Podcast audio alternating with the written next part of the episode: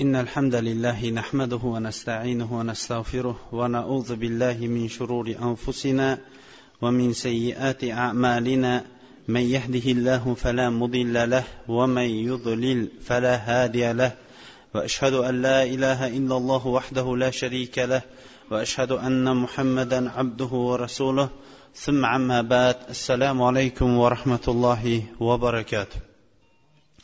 Alloh taoloning go'zal ismlari va oliy sifatlari bilan ushbu juma bilan o'tgan juma o'rtasidagi gunohlarni alloh taolo mag'firat qilishligini va majlisimiz turli xato va kamchiliklardan xoli bo'lgan majlislardan bo'lishligini tarqalishligimizda esa alloh taoloning ilm halaqalarini qidirib yuruvchi farishtalari bizlarga qarata ey ollohning bandalari endi sizlar o'rninglardan turaveringlar vaholanki sizlarning gunohinglar endi kechirilindi degan majlislardan qilishligini so'rab suhbatimizni boshlaymiz. Imom zahabiy rahimaullohning gunohi kabiralar deb atalmish kitobidagi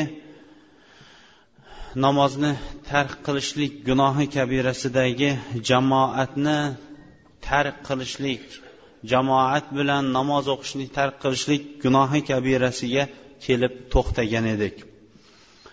alloh subhanahu va taolo qur'oni karimda أعوذ بالله من الشيطان الرجيم يوم يكشف عن ساق ويدعون إلى السجود فلا يستطيعون خاشعة أبصارهم ترهقهم ذلة وقد كانوا يدعون إلى السجود وهم سالمون deydi ya'ni qiyomat kunida alloh subhanava taolo o'zining soq boldirini ochadi Alloh subhanava taolo xabar bergan o'zi haqida va o'zining sifatlari va ismlari haqida bergan xabarlarning hammasini ham ahli sunnat va jamoat tasdiqlaydi iymon keltiradi lekin ularning birontasining kayfiyati va mohiyatida bahs yuritmagan holatda.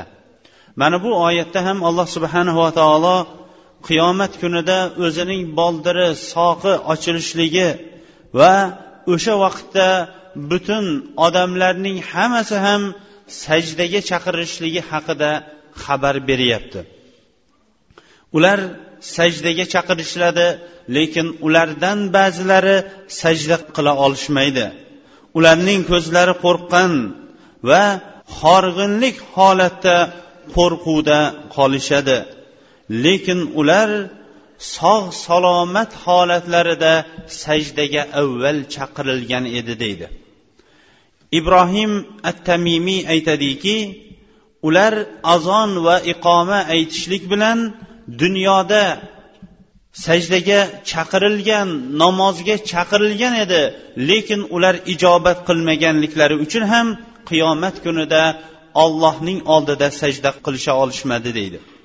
Said ibn musayyab rahimaulloh aytgan ekanki ular har kuni hayya alas sola hayya alal falah namozga kelinglar najotga kelinglar degan chaqiriqni eshitardilaru lekin ular to'rt muchasi sog' bo'lishiga qaramasdan ular bu chaqiriqqa ijobat qilmas edi. Kabnul ahbor aytadiki vallohi ma nazalat hadihi aya illa fil ladina takhallafu anil jamaa. Allohga qasamki deb bu kishi bu oyatning tafsirini aytyaptiki allohga qasamki bu oyat jamoatga kelmaganlar uchungina nozil bo'lgan bundan ko'ra qattiqroq uqubatni bayon qilishlik jamoat bilan qodir bo'lib turib jamoatga kelishlikka qodir bo'lib turib jamoat bilan namozni o'qishlikni tark qilganlarga bundan ko'ra og'irroq uqubat bo'ladimi degan ekan. Haqiqatdan ham alloh subhanava taolo masjidlarni barpo bo'lishligini jamoat namozlari bilan va ilm halaqalari bilan va u yerdagi va'z nasihatlar bilan masjidlar obod bo'lishligini bizlarga bayon qildi. Masjidlarning obod bo'lishligi masjidlarning chiroyli ta'mirlashligi yoyinki chiroyli ranglar berishligi bilan emas balki agarchi u masjid haroba masjid bo'lsa ham lekin masjid to'lib besh vaqt namozni jamoat bilan o'qishlikdir. Payg'ambarimiz sollallohu alayhi vasallam davridagi rasululloh alayhissalomning masjidlariga bir nazar solinadigan bo'lsa payg'ambarimiz alayhissalomning masjidlari oddiygina masjidlar edi.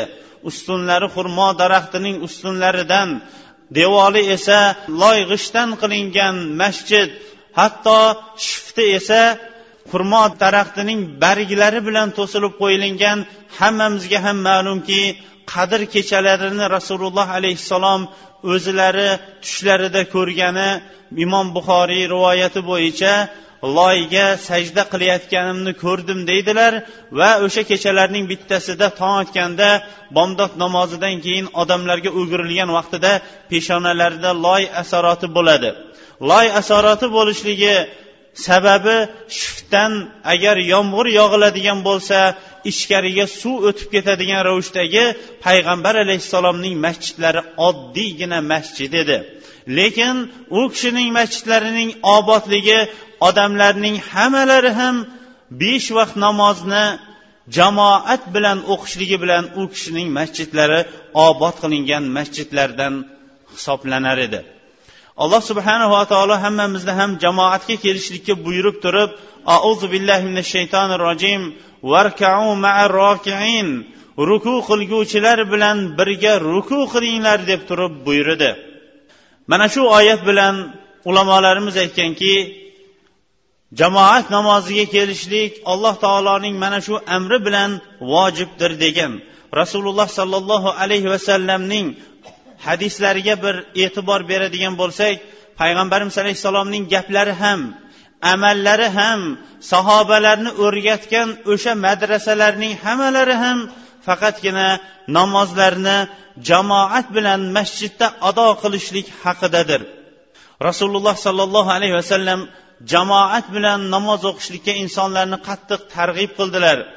Jamoatga kelmaganlar uchun esa qattiq vaidlarni qattiq uqubatlar bor ekanligini xabar berdi muttafaqun alayh bo'lgan hadisda hadisning roviysi abu hurayra roziyallohu anhu anna rasululloh sollallohu alayhi vasallam qol لقد هممت أن آمر بالصلاة فتقام ثم آمر رجلا فيؤم بالناس ثم أنطلق معي برجال معهم حزم من حطب إلى قوم لا يشهدون الصلاة في الجماعة فأحرق عليهم بيوتهم بالنار bu hadisda payg'ambarimiz sollallohu alayhi vasallam aytdilarki xohlardimki namozga buyurilsam ya'ni namozga azon aytilsa keyin takbir aytilinsa keyin esa o'zimning o'rnimga bir kishi imom bo'lib berishlik uchun bir kishini imomlikka buyursamda o'zim esa o'tin ko'tarib olgan bir toifa odamlar bilan jamoat namoziga kelmayotganlarning uylarini yoqib yuborishlikni xohlardim dedi. Mana bu ham jamoat namoziga kelmayotganlar uchun nihoyatda bir og'ir payg'ambar sollallohu alayhi vasallamdan bo'lgan vaiddir. Imom muslim rivoyat qilgan hadisda أن رجلا أعمى أتى النبي صلى الله عليه وسلم فقال يا رسول الله ليس لي قائد يقودني إلى المسجد.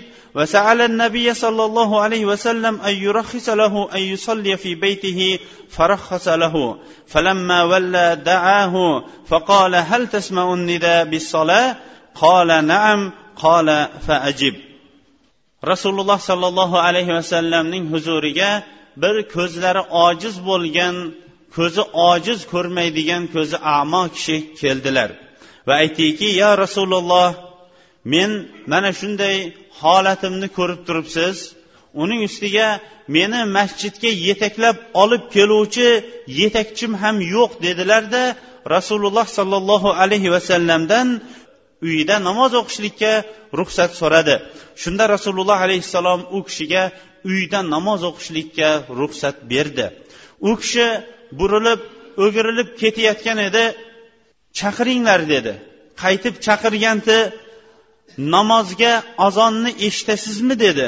Ha eshitaman deganda unday bo'lsa azonga ijobat eting dedi. Boshqa hadisda unday bo'lsa men sizga ruxsat topa olmayman dedi. Imom abu dovud va nasoiy rivoyat qilgan va imom termiziy ham rivoyat qilib sahih degan mana bu asarda esa عن عمرو بن أم مكتوم أنه أتى النبي صلى الله عليه وسلم فقال يا رسول الله إن المدينة كثيرة الهوام والسباع وأنا ضرير البصر شاسع الدار أي بعيد الدار ولي قائد لا يلائمني فهل لي رخصة أن أصلي في بيتي فقال هل تسمع النداء قال نعم faajib fa inni la ajidu laka ruxsa hammamizga ma'lum bo'lgan ibn umu maktum roziyallohu anhu ko'zlari ojiz bo'lgan rasululloh alayhissalomning esa muazzinlarining bittasi. Lekin bu kishi rasululloh alayhissalomga kelib aytdilarki ya rasululloh ko'rib turibsiz mening ikki ko'zim ojizdir. Uyim esa masjiddan nihoyatda uzoqroqda. Madinada har xil insonga zarar beruvchi hasharotlar va yirtqich hayvonlar ham bor. Mening bir yetakchim boru lekin yetakchim meni o'z vaqtida masjidga olib kelmaydi. Ba'zan topmay qolaman. Uyda namoz o'qishligimga ruxsat bersangiz dedi. Shunda rasululloh sollallohu alayhi vasallam azonni eshitasizmi? dedi.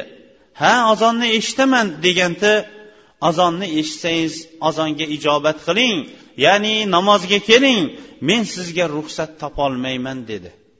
Qarang ko'zlari ojiz yetaklovchisi yo'q uyi esa masjiddan olisda va yo'lda ancha zarar beradigan turli hayvonlar bo'lishiga qaramasdan rasululloh alayhissalom bu kishiga ruxsat bergani yo'q. Qanday qilib endi ertaga biz alloh taoloning huzurida biz uchun ko'zimizga berib qo'ygan nur baquvvat ko'zli nurlar bilan nurli ko'zlar bilan sog' salomat mana bu to'rt muchamiz bilan alloh taoloning oldida uyimizda namoz o'qiganligimizga uzr yoyinki ruxsat qidira olamiz. Rasululloh sollallohu alayhi vasallam ibn abbos roziyallohu anhudan rivoyat qilingan hadisda man sami'al munadi bis falam yamnahu min ittibaihi uzr. قيل وما العذر يا رسول الله قال خوف أو مرض لم تقبل منه صلاة التي صلى يعني في بيته rasululloh sollallohu alayhi vasallam mana bu hadisda nihoyatda og'ir vaidni aytdilar aytdilarki kim namozga chaqiriqni eshitib turadigan bo'lsa lekin uni uzri sababli bormaydigan bo'lsa dedilar. Da mana shu lafzida uzri sababli deganda sahobalar darrov yo rasululloh uzr nima? deganda qo'rquv yoki kasallik dedi. Agar shunday holat bo'ladigan bo'lsa uyida namozini o'qiyveradi shunday holat bo'lmaydigan bo'lsa uyida namozini o'qimaydi dedilar. Qo'rquv fitnadan qo'rquv yoyinki o'zining kasalligiga kasallik qo'shilib ketishligidan qo'rquv va hokazo. Qo'rquv ikkinchisi esa og'ir betoblik kasallik sababligini payg'ambarimiz alayhissalom uzr deb hisobladilar. Ali ibn abi tolib roziyallohu anhu aytgan ekanlarki la solata li jaril masjid illa fil masjid. Qila va man jarul masjid? Qala man sami al azan. Ali roziyallohu anhu aytgan ekanki masjid qo'shnisining namozi masjiddagina durust bo'ladi dedi. Shunda u kishidan masjidning qo'shnisi kim bo'ladi deganda azonni eshitgan hamma kishi masjidning qo'shnisi hisoblanaveradi dedi. Imom buxoriy abdulloh ibn masud roziyallohu anhuning gaplarini rivoyat qilib turib bizlar uchun azon bobidagi azonga ijobat qilishdagi jamoat bilan namoz o'qish bobida katta bir vasiyatlarini naql qiladi u kishi aytgan ekanki من سره أن يلقى الله غدا مسلما فليحافظ على هؤلاء الصلوات الخمس حيث ينادي بهن kim ertaga deyapti abdulloh ibn masud roziyallohu anhu kim ertaga alloh taoloning huzurida musulmon holatda yo'liqishlikni xohlaydigan bo'lsa deyapti. Kim ertaga alloh taoloning huzurida musulmon holatda yo'liqishlikni xohlaydigan bo'lsa nido qilinayotgan chaqirilayotgan o'rinning o'zida besh vaqt namozlarni o'sha joyda ado qilsin. Alloh subhanahu va taolo payg'ambaringlar sollallohu alayhi vasallamga to'g'ri yo'llarni ko'rsatdi. Mana bu besh vaqt namozni jamoat bilan masjidda o'qishlik ham u kishining sunnatlaridan to'g'ri yo'llaridan hisoblanadi. Agar sizlar namozlaringizni uylaringizda o'qiydigan bo'lsanglar xuddi munofiqlar o'qiyotganiga o'xshash sizlar payg'ambaringlar alayhissalomning yo'lini tark qilgan hisoblanasizlar. Agar sizlar payg'ambaringlar alayhissalomning yo'lini tark qiladigan bo'lsanglar sizlar shubhasiz adashgan qavmlar qatorida bo'lasizlar. Darhaqiqat bizlarni ya'ni bizlar deb turib sahobalarni aytyapti. Bizlarni ko'rganingizda edi. Bizlarda faqatgina jamoat namoziga munofiqligi aniq bo'lgan munofiqlargina kelmas edi. Yoyinki bemor bo'lgan kishilargina kelolmasdi. Ikki oyog'i shol bo'lgan kishi ikki kishining yelkasi bilan sudralib safga olib kelib qo'yilardi. Bularning hammasi jamoat bilan masjidda namoz o'qishlik uchun bo'lardi deydi. Mana bu abdulloh ibn masud roziyallohu anhuning gaplaridir. Haqiqatdan ham bizlar bilan ular o'rtamizdagi nihoyatda katta farqlarning bittasi eshitgan va bilganlarga amal qilish bobi bo'ladigan bo'lsa o'sha har kuni eshitayotgan sizu biz uchun bo'layotgan chaqiriq hayya alas sola hayya alal falah namozga kelinglar najotga kelinglar degan nidoga ijobat qilishlari mana bu ularning o'shanga qilgan amallari hisoblanadi. Robi ibn haysam bu kishi o'tgan jumada ham bu kishi haqida ozroq to'xtagan edik va bu kishi haqida qiyomatgacha to'xtalilaveradi abdulloh ibn masud roziyallohu anhuning shogirdi bo'lgan buyuk tobiinlardan bu kishiga abdulloh ibn masud aytgan ekanki agar sizni rasululloh alayhissalom ko'rganida shubhasiz yaxshi ko'rib qolgan bo'lardi degan bu tobiin hayotining keyingi hayotida ya'ni yoshlari kattaygan vaqtlarida ikki oyoqlari shol bo'lib qolgan ekan. Lekin ikki kishi o'rtasida suyangan ikki kishiga suyangan holatda namozga chiqardi. Shunda u kishiga ko'pchilik aytardiki ey aba muhammad alloh taolo sizga uyingizda ruxsat berganu uyingizda namoz o'qishligingizga ruxsat bergan sizga ruxsat bor nima uchun uyingizda namoz o'qiyvermaysiz desa u kishi to'g'ri sizlar aytayotgan gapinglar to'g'ri lekin men muazzinning hayya ala sola hayya alal fala namozga kelinglar najotga kelinglar deb aytayotgan nidosini eshitgan vaqtimda unga ijobat qilmay tura olmayman.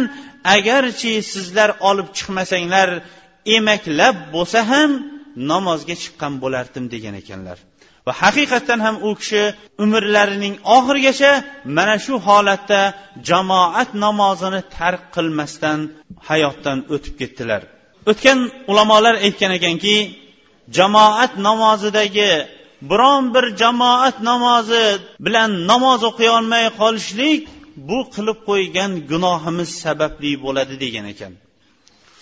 Ibn umar roziyallohu anhu aytadiki otasi umar roziyallohu anhu haqida bir kuni umar roziyallohu anhu o'zining bog'i tomonga qarab chiqdi. Bog'dan qaytib kelgan vaqtida odamlar asr namozini o'qib qo'ygandi. Umar roziyallohu anhu inna lillahi va inna ilayhi rojiun fatatni solatul asri fil jamaa ushhidukum anna haiti alal masakin sadaqatan liyakuna kaffaratan lima sanaa umar. Inna lillahi va inna ilayhi rojiun.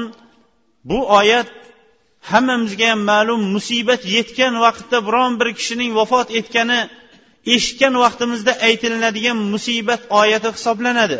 Hammamiz ham ollohnikidirmiz va barchamiz ollohga qaytguvchimiz degan mana bu istirjo musibatda aytilinadigan duoni umar ibn xattob bog'idan qaytib kelsa odamlar asr namozini o'qib qo'yganini ko'rib turib musibat duosini o'qidi va aytdiki sizlarni guvoh qilib aytamanki o'sha bog'im miskinlar uchun sadaqadir mening jamoatga kelolmay qolganim uchun kafforat umar jamoatga kelolmay qolgani uchun kafforat bo'lsa ajabmas dedilar. Bu bog'i madinadagi eng ko'rikli bo'lgan madinadagi xurmozor bog'lardan hisoblanadi. Rasululloh sollallohu alayhi vasallam jamoat bilan namoz o'qishlikda ko'proq bomdod va xufton namozini ko'proq jamoat bilan o'qishlikka targ'ib qildilar. Imom buxoriy muslim va imom ahmad va boshqalari abu hurayra roziyallohu anhudan rivoyat qilgan hadisda فإن النبي صلى الله عليه وسلم قال إن هاتين الصلاتين أثقل الصلوات على المنافقين يعني الإشاء والفجر ولو يعلمون ما فيهما من الأجر لأتوهما ولو حبوا payg'ambar sollallohu alayhi vasallam aytdiki mana bu ikki namoz dedilar ya'ni xufton va bomdod namozi munofiqlar uchun eng og'ir bo'lgan namoz hisoblanadi. Agar ular bu ikki namozda qanday katta savob bor ekanligini bilganlarida edi ular agarchi unga emaklab bo'lsa ham kelgan bo'lishardi dedi. Ibn umar roziyallohu anhu aytadiki agar xufton yoyinki bomdod namozida bizdan biron bir kishi jamoatga kelmay qoladigan bo'lsa unga gumonimiz o'zgarib unga nisbatan yomon gumonga bo'lib qolardik deydi. Ya'ni yuqorida aytilganga o'xshash munofiqligi aniq bo'lgan kishilargina mana shu jamoat namozlariga kelmaganliklari uchun ham bu kishi aytyaptiki bizda shu ikki namozga biron bir kishi kelmay qoladigan bo'lsa gumonimiz u kishiga nisbatan yomon bo'lib qolardi deydi. Rasululloh sollallohu alayhi vasallamdan yuqorida aytilingan mana bu hadis va sahoba tobiinlarning amali bo'ladigan bo'lsa endi rasululloh alayhissalomning ta'limotini olgan sahoba va tobiinlarning jamoat bilan namoz o'qiganligi haqidagi yoyinki jamoat bilan namoz o'qishlikni davom ettirishlikda qanday hayotlarida bardavom bo'lganligi haqidagi ba'zi bir namunali ibrat ularning hayotlariga to'xtab o'tamiz. Zeroinki rasululloh alayhissalomning o'zlariga agar to'xtaydigan bo'lsak rasululloh sollallohu alayhi vasallamning o'zlari jamoat bilan namozni hatto umrlarining oxirigacha jamoat bilan namozni o'qishlikka harakat qildilar va shunday holatda vafot etdilar. Rasululloh sollallohu alayhi vasallam insonlarni masjidga bog'lanishlikka targ'ib qildi. O'sha masjidga bog'lanishga targ'ib qilingan hadislarining bittasida hadis muttafaqun alayh bo'lgan an abi hurayrata roziyallohu anhu anin nabiy sollallohu alayhi vasallam qol sab'atun yuzilluhumullohu fi zillihi yawma la zilla illa zilluh yetti toifa odam borki dedi rasululloh sollallohu alayhi vasallam bu yetti toifa odamni alloh taolo qiyomat kunida soya yo'q bo'lgan hamma ham o'zlarining gunohlari bilan o'zlari ovora bo'lib turib holim nima kechar ekan? deb turgan dahshatli soatda payg'ambarlarning ham qiladigan bu kundagi duosi allohimma sallim allohimma sallim bo'lar ekan. Iloyo meni salomat qil iloyo meni salomat qil deb turib hamma o'zi bilan o'zi ovora bo'lib qoladigan soatda yetti toifa insonni alloh subhanava taolo o'zining arshining soyasida soyalantirib turar ekan. Va o'sha yetti toifa insonlarning bittasini varajulun qalbuhu muallaqun fil masajid. Qalbi masjidlar bilan bog'liq bo'lgan inson deb rasululloh sollallohu alayhi vasallam masjid bilan bog'lanishlikka insonlarni targ'ib qildi.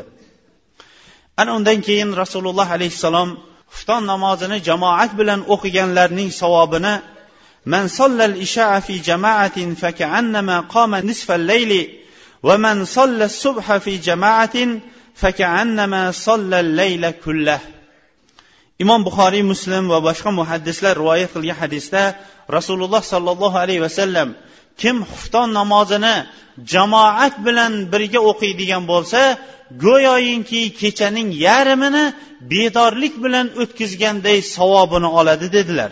Va kim bomdod namozini jamoat bilan o'qiydigan bo'lsa endi qolgan yarmini ham ibodat bilan o'tkazibdi. Demak kechaning hammasini ham ibodat bilan birga o'tkazibdi dedilar. أفضل الصلوات عند الله صلاة الصبح في يوم الجمعة في جماعة namozlarning eng afzali juma kunida jamoat bilan bomdod namozining o'qilinganligidir dedilar rasululloh alayhissalom abu naim va bayhaqiylar rivoyat qilgan shayx albaniy rahimaulloh esa sahih degan hadisda rasululloh sollallohu alayhi vasallam jamoat bilan namoz o'qishlikka targ'ib qilar ekan odamlarni jamoat bilan eng birinchilar qatorida birinchilardan jamoat bilan birga namoz o'qishlikka targ'ib qildilar maysam roziyallohu anhudan rajulun min ashabi nabiy sollallohu alayhi vasallam قال بلغني أن الملك يغدو برايته مع أول من يغدو إلى الصلاة menga xabar yetdiki deydi masjidga eng birinchi borayotgan kishilar bilan ertalab tong namoziga masjidga birinchi borayotgan kishilar bilan birga bir farishta bayroq ko'tarib birga boradi degan ekanlar. Rasululloh sollallohu alayhi vasallam bomdod namozini jamoat bilan o'qigan kishilarning namozini solatul abror deb turib maqtadilar. Abu umama roziyallohu anhudan قال قال رسول الله صلى الله عليه وسلم من توضأ ثم أتى المسجد فصلى ركعتين قبل الفجر ثم جلس حتى يصلي الفجر كتب صلاته يومئذ في صلاة الأبرارين وكتب في وفد الرحمن. kim tahorat olsa so'ngra masjidga kelsa va avval ikki rakat sunnatini o'qib keyin o'tiradigan bo'lsa bomdod namozini kutib o'sha namozi uning eng yaxshi odamlarning namozidan va rohmanning allohning to'dasidan degan jamoatga bu inson yoziladi degan ekanlar. Rasululloh sollallohu alayhi vasallam jamoat bilan namoz o'qishlikka targ'ib qilar ekan masjidga kelganlarning har bir qadami bir gunohini yuvilishiga sabab bo'ladigan bo'lsa ikkinchi qadami har biri bir darajot ko'tarishligini bayon qildi qola rasululloh sollallohu alayhi vasallam القاعد على الصلاة كالقانت ويكتب من المصلين من حين يخرج من بيته حتى يرجع إلى بيته mana bunda ham to uyiga borib qaytib kelgunicha u kishiga katta savoblar yozilishligini bayon qildi. Uning ustiga masjidga kelib turib jamoat namozini kutib turgan insonga payg'ambarimiz sollallohu alayhi vasallam alloh taoloning osiylik nima ekanligini bilmaydigan o'ziga eng yaqin bo'lgan zotlardan hisoblanmish farishtalar uning haqqiga duo qilib turishligi haqida الملائكة تصلي على أحدكم ما دام في مصلاه الذي صلى فيه agar namoz o'qigan o'rnida namozni kutib o'tiradigan bo'lsa farishtalar unga salovat aytib turadi iloyo uni o'zing mag'firat qil iloyo o'zing uni rahmatingga ol deb turib rasululloh sollallohu alayhi vasallam insonlarni jamoat bilan namoz o'qishlikka targ'ib qilar ekan jamoat bilan o'qilgan saflarning ham qaysi o'rinda turishligini bayon etib turdida eng avvalgi saflar haqida payg'ambarimiz alayhissalom birinchi saflarda o'qiyotganlar uchun katta mukofotlar bor ekanligini va'da qildi. Imom ahmad abu davud va boshqa muhaddislar rivoyat qilgan buyuk muhaddislar esa u bu hadisni sahih degan hadisda qala rasululloh sollallohu alayhi vasallam innalloha va malaikatahu yusalluna alas saffil avval alloh taolo va farishtalari birinchi saflarga rahmat mag'firat ya'ni salovat aytib turadi degani alloh taolodan bo'ladigan bo'lsa gunohlarini mag'firat qilishligi farishtalardan bo'ladigan bo'lsa ularni maqtashligini bayon qilyapti. Rasululloh sollallohu alayhi vasallam saflarni avvalini bayon qilib aytdilarki agar sizlar azon aytishlikdagi savobni va birinchi safda namoz o'qishlikning savobini bilganinglarda o'rtada birinchi safda turishlikni va azon aytishlikni talashib urushib qolgan bo'lardinglar. Keyin esa iloj topmasdan o'rtaga qura tashlab turib keyin birinchi safga turgan bo'lardinglar dedi. Shunchalik ravishda birinchi safda namoz o'qishlikning savobini buyuk qildilar. Va aytdilarki er kishilarning erkaklarning saflarining eng yaxshisi birinchi safda o'qilgan namozi va eng yomon safi esa orqada turib o'qilingan eng orqada turib o'qilingan namozi ayol kishilarning esa buning aksi dedilar. Birinchi safda turishlik haqida ham payg'ambarimiz sollallohu alayhi vasallam birinchi safning o'ng tomonida turishlikni payg'ambarimiz alayhissalom fazilati afzalroq ekanligini oysha roziyallohu anha rivoyat qilgan hadisda hadisning darajasi esa ibn hajar rahimaulloh hasan deganlar عن عائشة رضي الله عنها قالت قال رسول الله صلى الله عليه وسلم إن الله وملائكته يصلون على ميامين الصفوف alloh taolo va farishtalari saflarning o'ng tomonlariga salovat aytib turadi dedilar. O'ng tomon chap tomon deganda jamoat namozlarida imomning o'ng tomoni va imomning chap tomoniga qarab turib belgilanadi. Yana rasululloh sollallohu alayhi vasallam jamoat bilan namoz o'qishlik tartiblarini ham bizlarga bayon etib turib jamoat bilan o'qilingan vaqtda saflarning bab barobar bo'lishlari yelkalar yelkalarga oyoqlar esa to'piqlar esa to'piqlarga tegib turishligini ham bayon etdilar. Xiyarukum alyanukum manakiba fissola dedilar. Ya'ni sizlarning eng yaxshilaringiz yelkalari yelkalariga muloyimlik bilan tegib turganlari dedi. ibn majja rahimahulloh va imom ahmad musnatlarida rivoyat qilgan hadisda esa rasululloh sollallohu alayhi vasallam innalloha va malaikatahu yusalluna alalladi yasiluna sufuf va man sadda furjatan rafa'allohu biha darajatan dedilar. Alloh taolo va uning farishtalari saflarni ulab namoz o'qiydiganlarga salovatlar aytib turadi. Va shuningdek o'rtadagi to'siqlarni yopib to'siqlarni to'ldirib o'qiyotgan kishilarning esa bir baravar darajasini olloh ko'taradi dedi. Mana shu o'rinda bir tushuntirib ham o'tishligimiz kerakki ko'pchilik yoshlarimiz mana shu hadislarni eshitib olib yelkalar yelkalarga to'piqlar to'piqlarga tegib turish kerak degan hadisda ko'proq yelka barovaridan oyoqlarini ko'proq kengroq yoyishadi va shu bilan o'zining to'pig'ini yonidagi to'piqqa tegdirmoqchi bo'lishadi. Lekin bu hadisni noto'g'ri tushunishlikdir. Har bir inson o'zining oyog'ini yelka baravari darajasida oladigan bo'lsa o'zining yonidagi namozxonning ham to'pig'iga shunda tegadi.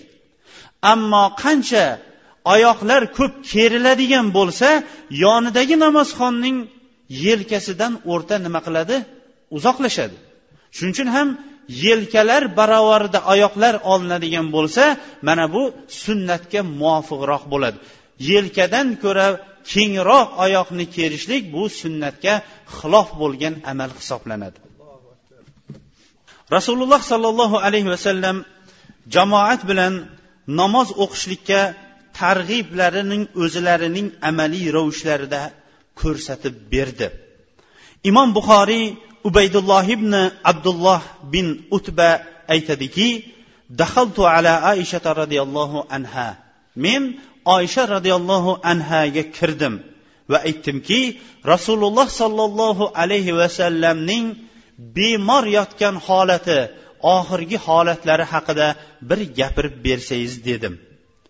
Shunda u kishi aytdiki bale men sizga rasululloh alayhissalomning oxirgi vafot etgan bemorlik vaqtidagi holatini aytib beray dedi. Rasululloh sollallohu alayhi vasallamning deb u kishi payg'ambarimiz alayhissalomning bemorlik vaqtini bayon etdi. Kasalligi dardlari qo'zib og'irlashib qoldi. Keyin aytdiki odamlar namoz o'qidimi? dedi. Yo'q ular namoz o'qimadi. Sizning namozga chiqishligingizni kutib turibdi deb aytdik. Ya'ni payg'ambarimiz alayhissalom og'irlashib qolgandan keyin namozga chiqolmay qoladigan ravishda bo'lib qoldi. Lekin eng birinchi so'rog'i odamlar namoz o'qidimi deb so'radi. Shunda yo'q ular namoz o'qishmadi balki ular sizni kutib turishibdi dedik. Shunda aytdiki menga muzday suvni ustimdan quyib yuboringlar dedilar. Biz xuddi shunday qilib u kishining ustiga muzday suvni quyib yubordik. Keyin esa u kishi bir o'zidan ketdilar. Keyin o'ziga keldilarda birinchi savoli odamlar namoz o'qidimi? dedi. Biz yo'q. Yo rasululloh ular sizni kutib turibdi dedik. Shunda u kishi aytdiki ustimdan sovuq suvni quyinglar dedi. O'tirdilar. Ustidan sovuq suv quyilindi. O'zidagi og'riq ketishligi bilan yana hushidan ketib holi darmoni qolmadi. Keyin o'ziga kelganda yana odamlar namoz o'qidilarmi? dedi. Biz yo'q ular o'qishmadi sizni kutib turibdi dedik. Shunda ustimdan sovuq suvni quyinglar dedi. O'tirdilar o'rinlaridan o'tirdilar so'ngra yana ustlaridan suvni quydik hushidan ketdi o'ziga kelgan vaqtda odamlar namoz o'qidimi dedi. Biz yo'q ular hali ham sizni kutib turishibdi. Odamlar masjidda to'lib o'tirishibdi dedik.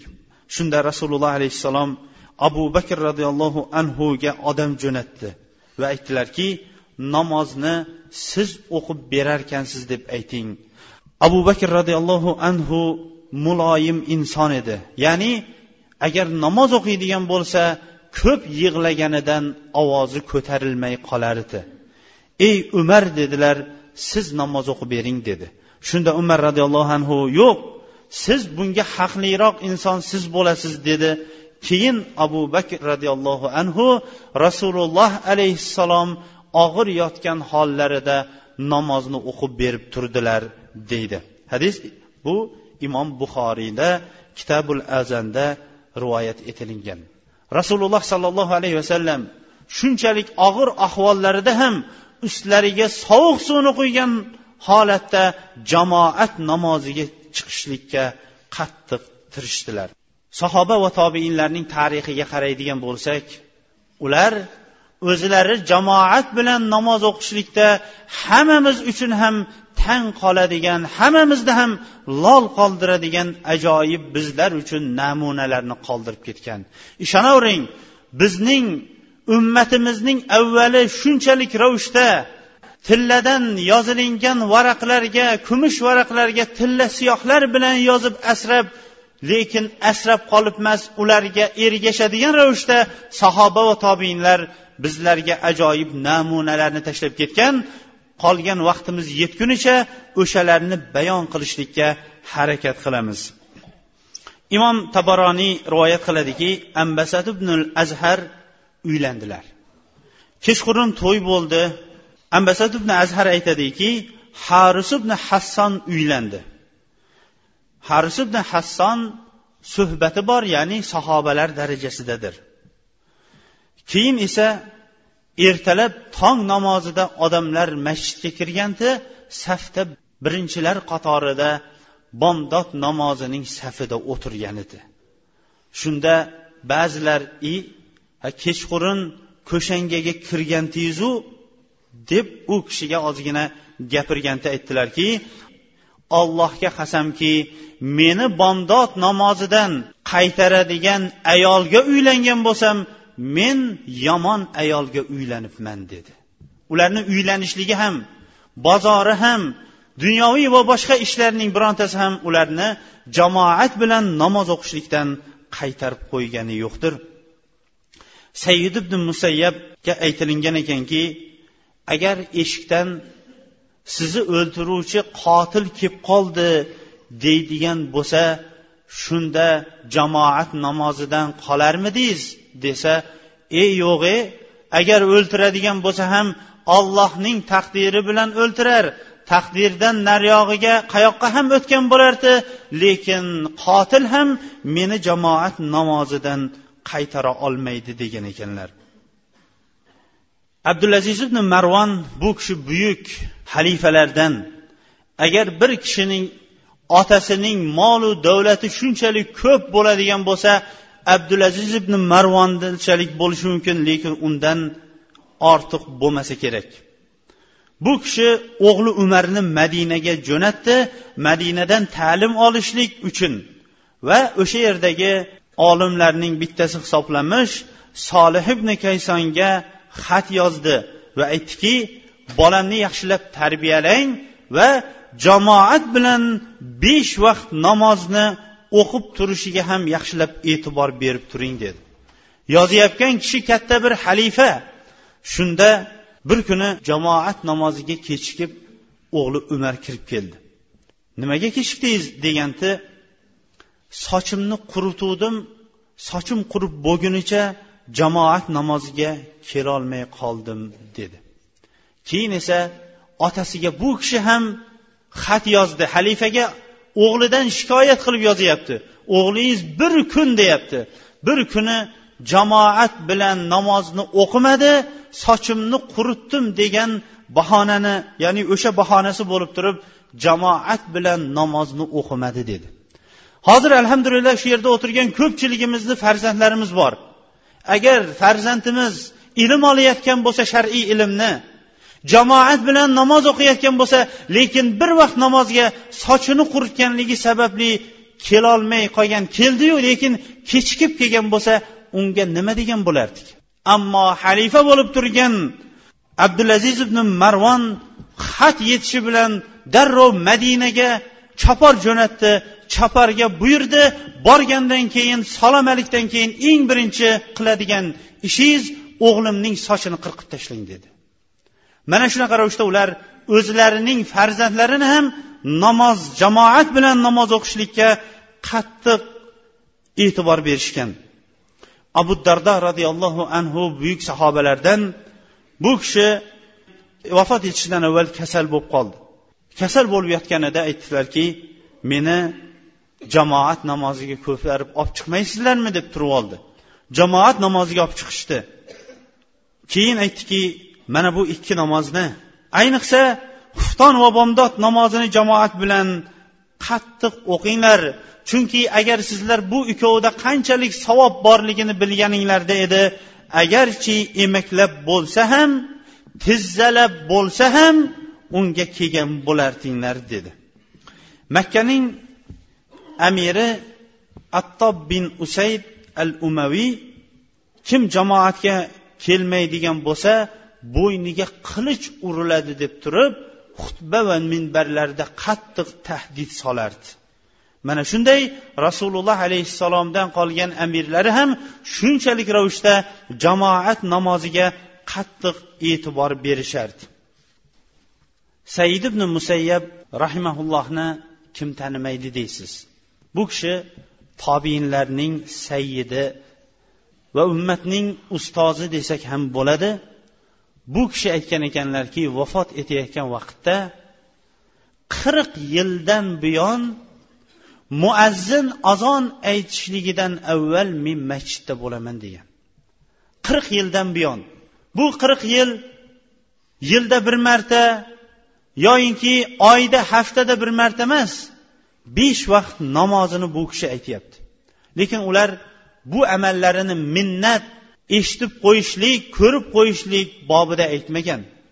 Vafot etayotgan vaqtida qizi yig'lab turgan vaqtida qizim otangizga ko'p yig'lamang men ollohdan umid qilamanki qirq yildan buyon bir lafzida muazzin azon aytishidan avval masjidda bo'ldim desa ikkinchi lafzida qirq yildan buyon biron bir kishining orqasini ko'rmay namoz o'qidim dedi ya'ni birinchi safda namoz o'qiganligiga ishora bo'lyapti abdurahmon ibn amir aytadiki rabiat ibn yazid aytayotganini eshitardim ما أذن مؤذن لصلاة الظهر منذ أربعين سنة إلا وأنا في المسجد illa an akuna maridan musafira. Ammo u kishidan darajada amalda pastroq bo'lgan lekin hammamiz uchun ham namuna bo'ladigan robiyat ibn yazid aytadiki peshin namoziga qirq yildan buyon muazzin azon aytgan vaqtda men masjidda bo'ldim faqatgina kasal bo'lib yotganimda yoinki musofir bo'lib turgan vaqtimdagina bunga qodir bo'lmadim degan ekanlar abdurahmon ibn mahdiy abdurahmon ibn rusta u kishi haqida aytadiki سألت ابن مهدي عن الرجل يبني بأهله أيترك الجماعة أياما قال لا ولا صلاة واحدة bu kishilarga aytdimki agar bir kishi yangi uylanadigan bo'lsa jamoat namoziga vaqtincha yangi kuyovlik vaqtida kelmay tursa bo'ladimi dedim deydi. Shunda yo'q ollohga qasamki bir namozi uchun ham jamoatga keladi dedilar. Imom muzaniy bu kishi ham buyuk allomalardan. Imom muzaniy rahimaulloh agar biron bir jamoat namozini o'qiy olmay qoladigan bo'lsa masjidda yoyinki uyida yigirma besh marta shu namozni o'qirkan. Chunki jamoatda o'qilgan namoz bir hadisdaning lafzida yigirma besh barobar boshqa lafzlarida esa yigirma yetti barobar afzal ekanligini bayon qilganligi uchun ham. Biz vaqtimiz qisqa bo'lganligi uchun ularning hammalarining ham tarixidagi amallariga to'xtay olmaymiz. Bu yerda ba'zi bir taklif va ba'zi bir savollar ham tushgan. Ho'p men savdo bilan uzoq safarga chiqamiz. Namoz o'qiyotgan vaqtda deydi savol beruvchi. Shu sayyoraning ichida ba'zan qiblaga qaramagan holatda qiblaning teskarisi aksi ya'ni quyosh chiqish tomonga qarab turib sayyora yuradi. O'sha vaqtda namozni qanday o'qiyman yoyinki qiblaga qarash imkoni bo'lmay qoladi o'sha vaqtda qanday namoz o'qiladi deydi. Avvalambor keyingi yana tushgan savol bilan bu ikkovi qo'shimcha ekan safarda sunnatlarni o'qishlik masalasida. Birinchidan safarda alloh subhanava taolo musofirlarga yengil qilib turib safarda namozlarni qasr o'qishlikka ruxsat bergan. أعوذ بالله من الشيطان الرجيم ليس alaykum junahun an taqsuru minas الصلوات in خفتم أن يفتنكم الذين كفروا agar kofir bo'lgan kishilar fitnalantirishidan qo'rqadigan bo'lsanglar namozinglarni qasr o'qishlikda gunoh yo'q deb. Mana shu oyat bilan safarga chiqqan kishilar ham sunnat namozlarini o'qimaslikning o'zi sunnat hisoblanadi. Oysha onamiz aytadiki payg'ambarimiz sollallohu alayhi vasallam safarda bomdodning sunnati bilan vitrni hech ham qoldirmasdi deydi. Demak sunnatlardan bomdod va vaqti bo'ladigan bo'lsa rohilasi minib olgan markabi ustida rasululloh alayhissalom nafl namozlarni o'qib ketaverardi. Shuning uchun ham sunnatlarning o'rniga ko'proq nafl o'qigan safar vaqtida o'shaning o'zi sunnat hisoblanadi. Ammo to'xtash imkon bo'lgan moshinalar bo'ladigan bo'lsa to'xtab namoz o'qiladi. Samolyot poyezd va shunga o'xshash to'xtash imkoni bo'lmagan vositalarda bo'lsa o'shaning o'zida namozlar o'qib ketilaveradi. Lekin shu o'rinda ko'pchilik e'tiroz bildiradiki ba'zan haydovchilar namozning o'zini bilmaydi to'xtamaydi ham o'shanaqa vaqtda nima qilamiz? deb. O'shanaqa vaqtda bu kishi biroz vaqt u kishiga aytadi haydovchiga tushuntiradi. Agar tushunmaydigan to'xtamaydigan bo'ladigan bo'lsa vaqt ozroq vaqtgacha kutadi. Agar vaqt o'tib ketadigan ravishdachalik haydovchi to'xtamaydigan bo'lsa ana undan keyin namozini o'qiyveradi va moshina qibla tomonga qaralishligi yoki o'zi qiblaga burilishligi u vaqtda shart emas. Tushunarlika bu ham berilingan yengilliklardan hisoblanadi. Ho'p aminni sirtda aytishga bo'lmaydimi yoki bo'ladimi? Payg'ambarimiz muhammad sollallohu alayhi vasallam sirtda aytganmi yoki ichida aytganmi? Qaysi birining savobi ulug'roq shu haqida tushuntirsangiz. Ho'p bu avvalam ko'p aytilingan va bu xatga qaraganda aytilaveradi shekilli. Amin masalasi ulamolar o'rtasida o'zi ixtilofli masala. Imom abu hanifa imom ahmad imom molik va imom shofiylarday insonlar o'rtasida o'zi ixtilof bo'lib o'tgan masala hisoblanadi. U katta buyuk imomlar oldida biz ularning changining zarrachasiga ham shu yerda hammamiz ham arzimaymiz. Ular talashib o'tgan masalani biz hozir yechib nima qilmaymiz? Adosiga yetmaymiz. Shuning uchun ham madomiki aminni aytishlik xalqlar ichida ixtilof va kelishmovchilikka sabab bo'laveradigan bo'lsa o'sha ixtilofni chiqarmaslikning o'zi vojibligini bilgan odam sunnatni tark qiladi. Bu tushunarli bo'lgan bo'lsa kerak. Alloh taolo qur'oni karimda vala tatafarraqu bir biringlar bilan firqa firqa bo'lib ketmanglar. Vala taxtalifu min ba'di degan payg'ambarimiz sollallohu alayhi vasallam. Mendan keyin bir biringlarga yuz o'girib ketadiganlardan bo'lmanglar degan. Agar amin sababli odamlar bir birlaridan namozda kelishmovchiliklar bo'layotgan bo'lsa mana bu buyruq bilan o'sha aminni to'xtatishlikning o'zi sunnat hisoblanadi. Bu bilan vallohu alam bu oxirgi aytilish deb umid qilamiz. Xosatan yoshlardan ham shuni so'ralamiz. Bu aminni aytishlik agar sunnat deb aytilingan mazhablarda bo'lgan taqdirda ham o'sha mazhab ulamolari javob berishganki agar ixtilofga sabab bo'ladigan bo'lsa sunnat to'xtatilinadi degan. Shayton o'zi musulmonlarning o'rtasida farz vojib haqida ixtilof solmaydi. Nima haqida?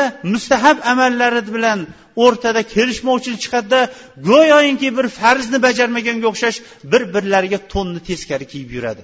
Yo'q musulmonlar unday bo'lmasligi kerak. Hozirgi vaqtdagi tinchlik odamlarning hammalari ham masjidda bemalol namozlarini ado qilayotgani yoshlarning esa yoshlarning esa kelib dars olib turib har bir masjidda ba'zilar muallim sonni bitirgan ba'zilari ba'zi ba'zi poralarni yodlagani hammamizning ham quvonchimiz. Shuning uchun ham bu qarz ikki qo'ldan chiqadi. Kelayotgan yoshlarni tarbiyalash kattalarning bo'ynidagi vojib amal. Kelayotgan yoshlar esa bu g'animat fursatlarini tushunib turib ixtiloflarga sabab bo'lmaslik ham bu ham bir ular bo'ynidagi farz vojib amal hisoblanadi. Ikkinchi dahshatli bo'lgan tushgan savollarning ikkinchisi falon dahada qayerligini aytmaymiz ko'pchiliginglar bilsanglar kerak falon dahada it urushtirish kuchayib ketdi deydi. Mana bu haqida ham o'zi keng to'xtang deb ko'cha ko'yda namozxon akalarimiz alloh rozi bo'lsin ulardan shu g'am bilan aytganlari ham nihoyatda ko'p bo'ldi. Payg'ambarimiz sollallohu alayhi vasallam abu hurayra roziyallohu anhu rivoyat qilgan hadisda agar birontangizning idishini it yalaydigan bo'lsa uni yetti marta suv bilan yuvsin sakkizinchisini tuproq bilan yuvsin dedilar. Boshqa hadisda payg'ambarimiz alayhissalom surat jonli surat bilan it bo'lgan uyga farishta kirmaydi dedi. Endi shunday bir xunuk bo'lgan bir jonivorni olib borib urishtirib uning ustiga uni qumor tikib turib urishtirishlik mo'min kishi uchun to'ng'izning moyiga to'ng'izning moyiga qo'lini tiqib olishdan ham og'irroq bo'lgan og'ir gunohdir bu. Lekin nima uchun o'sha yerda odamlar it urishtiryapti? Eng birinchi gunohini bilmaganligi uchun bo'lishligi mumkin. Ikkinchidan otasi akasi yoinki qo'ni qo'shnisi shuni xabarini yetkazmaganligi uchun ham bo'lishligi mumkin. Payg'ambarimiz sollallohu alayhi vasallam man رأى minkum munkaran فليغيره بيده fa in lam yastati fa لم fa in lam yastati fa biqalbihi va zalika adaful iymon dedilar. Agar sizlarning qaysi biringiz bir munkar ishni shariatga xilof bo'lgan ishni ko'radigan bo'lsangiz uni qo'li bilan qaytarsin. Qo'li bilan qaytarmaydigan bo'lsa qaytarolmasa tili bilan qaytarsin. Tili bilan qaytarolmasa qalbi bilan norozi bo'lib tursin. Qalbi bilan norozi bo'lishligi uning iymonining zaifligiga dalolat qiladi dedilar. Qalbi bilan ham norozi bo'lmasligi itni yetaklab keladigan bo'lsa uni surishtirmayotgan ota ba'zi bir oilalar yemayotgan go'shtlarni olib borib itlarga yedirayotgan oilalar bu endi qanday qilib biz masjidda turib u odamlarning ba'zilari masjidga ham kelmaydigan bo'lsa it urishtiradigan joyiga borib uni qaytara bilamiz. Balki qaytarishlik har bir insonning o'zida bo'lishligi kerak shuni qaytarishligi kerak. Shu masjidga kelayotganlarning ba'zilarining o'sha farzandlari ba'zilari aka ukalari endi it urishtirish qoldimi payg'ambar alayhissalomning ummatiga? Bu ham ko'pchilik keyin esa bekorchilikdan kelib chiqadigan masalalar. Arab tilidagi she'rlarning bittasida aytadiki yigitlik davri bo'shlik davri yigitlik bo'shlik va uning ustiga pul bo'lishligi yigitlarning qanchalik buzilishligiga sabab bo'ladi deydi. Haqiqatdan ham u yerda pullar tikiladigan bo'lsa tikilayotgan qumorining o'zi ham urushtirayotgan amalining o'zi ham itining o'zi ham bu islomdagi eng rejis najas hisoblangan amallarga endi rozi bo'lib turishligimiz uning ustiga ertaga bahor vaqtida yomg'ir yog'masa falon narsa sababli yog'madi deb turib ofatni o'zimizdan qidirmasligimiz bu o'zimizdagi ham illatlarning bittasi hisoblanadi. Shuning uchun ham o'sha joylarga borishlikning o'zi ham durust emas u o'sha manzarani ko'rishlikning o'zi ham yaxshi emas shuning uchun ham kimning qarindosh urug'i va kim shu o'yinga mubtalo bo'lib qolgan bo'lsa endi bu bir dahada it desa ikkinchi dahada xo'roz urishtirayotganlar ham bor ekan. Qumor vaqtida inshaalloh u ham o'z vaqticha kengroq aytilinadi. Ho'p bu yerda e, da'vatni kim qilishligi kerak debdi. Da'vatni alloh subhanava taolo kim qilish kerakligini bayon etib auzu billahi minash shaytonir rojim udu ila sabili robbika bil hikmati val mau'idatil hasana. Robbingizning yo'liga hikmat ilm bilan va chiroyli moiza bilan da'vat qiling deydi. Shuning uchun ham da'vat qilishlikning shartlarining eng birinchisi shar'iy ilm. Qolallohu va qola rasuli olloh va rasuli bunday deydi degan ilmga ega bo'lmagan kishi da'vat qilishligi shariatimizda mumkin emas.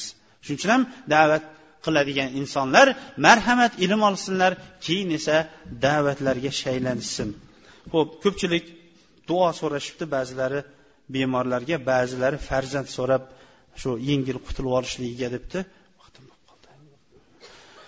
Amin. Alhamdulillah vassalotu vassalamu ala rasulilloh alloh subhanava taolo ushbu o'rinda aytilayotgan ma'ruzalarga avvalambor o'zimizni keyin esa hammamizni ham amal qilishlikka o'zi nasib etsin.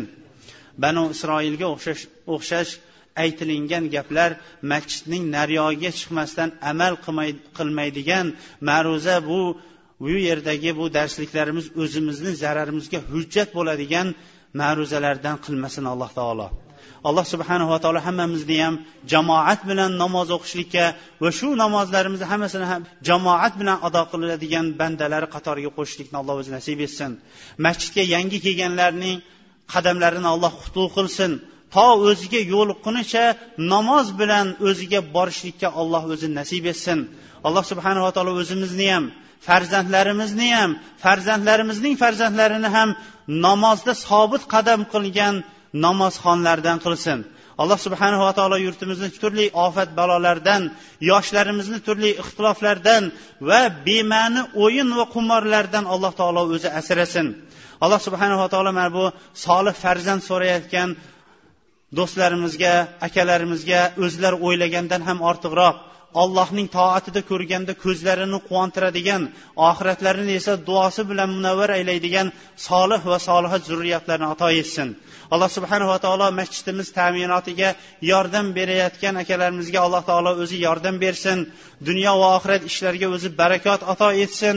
Ularning oxiratdagi va dunyodagi uylarini madomiki ular allohning uylarini obod qilar ekan ularning dunyo va oxiratdagi uylarini alloh o'zi obod qilsin. Alloh subhanava taolo hammamizni ham va hamma hamma bemorlarni ham alloh taolo dardlariga shifo bersin. Ularning qalblaridagi turli illatlardan va jasadlaridagi illatlardan alloh o'zi ofiyat bersin. Qarzdorlarning qarzlarini o'tashlikka alloh o'zi madad bersin. Nimaiki musulmonlarning mag'ribu mashriqdagi musulmonlarning dardlariyu tilaklari bo'ladigan bo'lsa alloh taolo o'zlari o'ylagandan ham ortiqroq qilib o'zi ado etib bersin payg'ambar alayhissalom nima yaxshiliklarni so'ragan bo'lsa shu yaxshiliklarni biz ham so'raymiz nima yomonliklardan panoh tilagan bo'lsa o'sha yomonliklardan biz ham panoh so'raymiz va sallallohu taala xalqi muhammad va ala alihi sahbi ajmain rahmatga arhamar rohimin إن الحمد لله نحمده ونستعينه ونستغفره ونعوذ بالله من شرور أنفسنا ومن سيئات أعمالنا من يهده الله فلا مضل له ومن يضلل فلا هادي له وأشهد أن لا إله إلا الله وحده لا شريك له وأشهد أن محمدا عبده ورسوله. أعوذ بالله من الشيطان الرجيم. يا أيها الناس اتقوا الله حق تقاته ولا تموتن إلا وأنتم مسلمون. أعوذ بالله من الشيطان الرجيم. يا أيها الناس اتقوا الله حق تقاته يا أيها الناس اتقوا الله وقولوا قولا سديدا. يصلح لكم أعمالكم ويغفر لكم ذنوبكم. ومن يطع الله ورسوله فقد فاز فوزا عظيما. أعوذ بالله من الشيطان الرجيم. يا أيها الناس اتقوا ربكم الذي خلقكم من نفس واحدة. وخلق منها زوجها وبث منهما رجالا كثيرا ونساء واتقوا الله الذي تساءلون به والارحام ان الله كان عليكم رقيبا ثم عما بعد ubaydulloh umar al qayrovoniy bu kishi basra shahrining buyuk olimlaridan imom buxoriy va shunga o'xshagan katta muhaddis allomalarning ustozlarining bittasi hisoblanadi. Avvalgi allomalar o'zlarining ilmlari ilmni tarqatishi va ilmlariga qilgan ibodati zohidligi bilan ham ajralib turishgandir. Bu kishi aytadiki hayotimda biron bir marta jamoatsiz namoz o'qimagan edim. Bir kuni uyimizga mehmonlar kelib qoldi. Mehmonlar bilan ovora bo'lib xufton namoziga masjidga chiqsam jamoatimiz namozni o'qib qo'yibdi. Basra shahridagi hamma masjidlarni aylanib chiqdim. Ularning hammasi namozni o'qib qo'ygan ba'zilari hattoki masjidning eshigini bekitib ketib qolgan ekan deydi. Uyga qaytib keldim. Uyga qaytib kelib payg'ambar sollallohu alayhi vasallamning jamoat bilan o'qilgan namoz yolg'iz o'qilgan namozdan yigirma yetti barobar ortiq degan hadislari yodimga tushib xufton namozini yigirma yetti marta o'qidim. Keyin ko'zim uyquga tortib uxladim. Uyqumda uyquda odam ko'radigan tushni ko'rdim. Tushimda bir to'da otliqlar chopishib ketayotgan ekan. O'sha to'da otliqlar ichida men ham bor ekanman. Men otimni qamchilab uryapmanu lekin mening atrofimdagilar mendan o'zib ketyapti. Otimni qamchilayotganimni ko'rib yonimdagi mendan o'zib ketayotganlarning biri menga qaradida otingni ko'p qiynayverma baribir sen bizga yetolmaysan dedi. Shunda men ajablanib nima uchun? degandim sen baribir jamoat bilan xuftonni o'qimadingda dedi. G'amgin holatda uyg'ondim uyg'onsam tushim ekan deydi. Mana bu ularning poyga bilan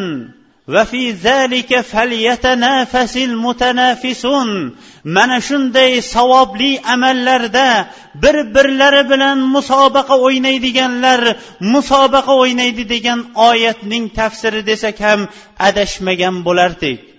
Sahoba va tobeinlar va ularga yaxshilik bilan ergashganlarning tarixiga qaraydigan bo'lsangiz ularning hammalari ham yaxshilik amallarida bir birlari bilan musobaqa o'ynashgan.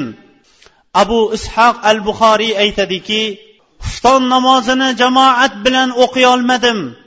Menga faqatgina do'stlarimning bittasi kelib menga ta'ziya izhor etdi. Agar o'g'lim vafot etganida o'n mingdan ortiq odam kelib menga ta'ziya izhor etgan bo'lardi. Lekin odamlarda dunyoviy ishlarga ko'ra diniy ishlar past qadrsiz bo'lib ketdi. Shuning uchun ham xufton namozigini o'qiy olmaganligim uchun menga ta'ziya izhor etuvchi bo'lmay qoldi deydi. Ular jamoat bilan o'qilinmagan namozni katta musibat deb bilishgan haqiqatdan ham bizlar uchun o'rnak bo'ladigan va bizlar ularga ergashadigan har bir sahoba va har bir tobein va har bir ularga ergashganlarning hammalari ham bizlar uchun namunadir. Alloh taolo bizlarni mana shu amallarda jamoat bilan namoz o'qishlik amallarida xosatan ularga ergashgan holatda namozlarimizning hammasini jamoat bilan o'qishlikka o'zi nasib etsin. Ey ollohning bandalari mana bu kunda juma kunida va mana bu soatda juma namozi vaqtida allohga ko'proq istig'for va tavbalar aytaylik. Ajabmaski alloh taolo tavba va istig'forlarimizni qabul etib kelajakda namozlarimizning hammasini jamoat bilan o'tashlikka o'zi nasib etsa.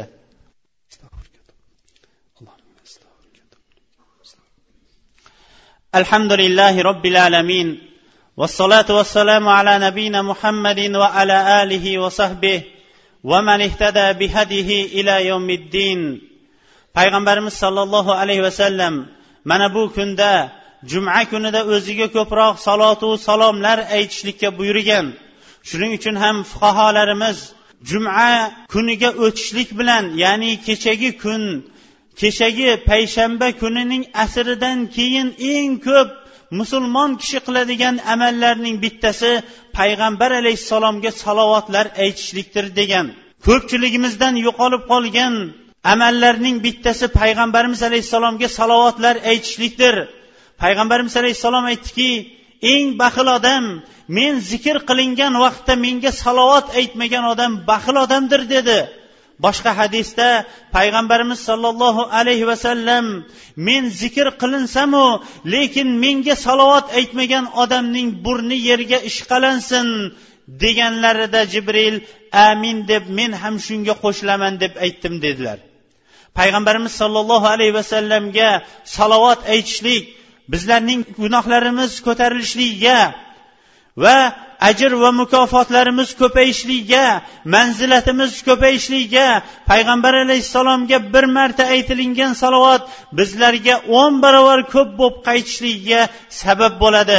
mana bu o'rinda ham payg'ambarimiz alayhissalomga ko'proq salovatlar aytaylik to bugunning asrigacha ko'proq payg'ambarimiz alayhissalomga salotu salomlar aytishlik juma kuning odoblarining bittasi hisoblanadi إن الله وملائكته يصلون على النبي يا أيها الذين آمنوا صلوا عليه وسلموا تسليما اللهم صل على محمد وعلى آل محمد كما صليت على إبراهيم وعلى آل إبراهيم إنك حميد مجيد اللهم بارك على محمد وعلى آل محمد كما باركت على إبراهيم وعلى آل إبراهيم إنك حميد مجيد. اللهم أعز الإسلام والمسلمين وأذل الشرك والمشركين واحم حوزة الدين. اللهم يا رب المستضعفين نج المستضعفين في العالم. اللهم يا رب المستضعفين نج المستضعفين في العالم. اللهم يا رب المستضعفين نج المستضعفين في العالم. اللهم اشف مرضانا ومرضى المسلمين واقض الدين عن المدينين. اللهم اقض الدين عن المدينين. اللهم ما كان حاجة من حوائج المسلمين إلا أديت وقضيت يا رب العالمين. اللهم إنا نسألك من الخيرين ونعوذ بك من الشرين. ربنا آتنا في الدنيا حسنة وفي الآخرة حسنة وقنا عذاب النار. عباد الله فاذكروا الله ذكرا كثيرا وسبحوه بكرة وأصيلا. وآخر دعوانا أن الحمد لله رب العالمين.